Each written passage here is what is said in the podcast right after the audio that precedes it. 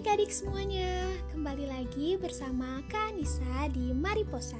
Mari sharing di podcast Anissa. Di segmen belajar bareng, ayo cari ilmu barengan lebih seru.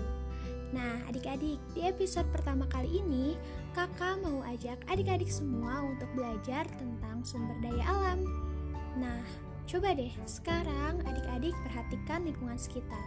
Kira-kira lingkungan sekitar adik-adik ada sumber daya alamnya gak ya? Pasti ada dong, karena Indonesia itu adalah bangsa yang dikaruniai sumber daya alam yang sangat banyak dan beragam. Sumber daya alam di Indonesia itu tersebar dari Sabang sampai Merauke. Nah, adik-adik, tahu gak sih kalau sumber daya alam itu sangat bermanfaat untuk manusia? Wah, kenapa kak bisa kayak gitu? Yuk kita bahas bareng-bareng. Sumber daya alam adalah segala sesuatu atau kekayaan alam yang dapat dimanfaatkan oleh manusia. Manfaat bagi kebutuhan manusia yaitu seperti kebutuhan sandang, kebutuhan pangan, dan juga kebutuhan papan. Pasti di sini adik-adik semua udah pada tahu kan apa itu kebutuhan sandang, kebutuhan pangan, dan juga kebutuhan papan? Yap, benar banget. Kebutuhan sandang adalah kebutuhan berupa pakaian atau sesuatu untuk menutupi tubuh kita.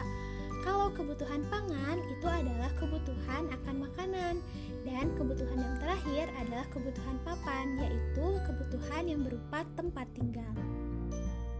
Nah, adik-adik, sumber daya alam itu sendiri terbagi ke dalam dua golongan. Yang pertama yaitu sumber daya alam yang dapat diperbaharui dan yang kedua yaitu sumber daya alam yang tidak dapat diperbaharui. Nah, adik-adik, sampai di sini apakah adik-adik semua sudah memahami apa yang Kak Anissa sampaikan tadi? Pasti udah pada paham dong, tapi jangan lupa untuk mempelajarinya kembali ya. Nanti kita bertemu lagi di episode 2 untuk membahas materi lebih banyak dan lebih dalam lagi.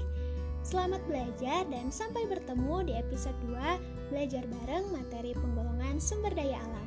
Belajar bareng, ayo cari ilmu barengan lebih seru. See you!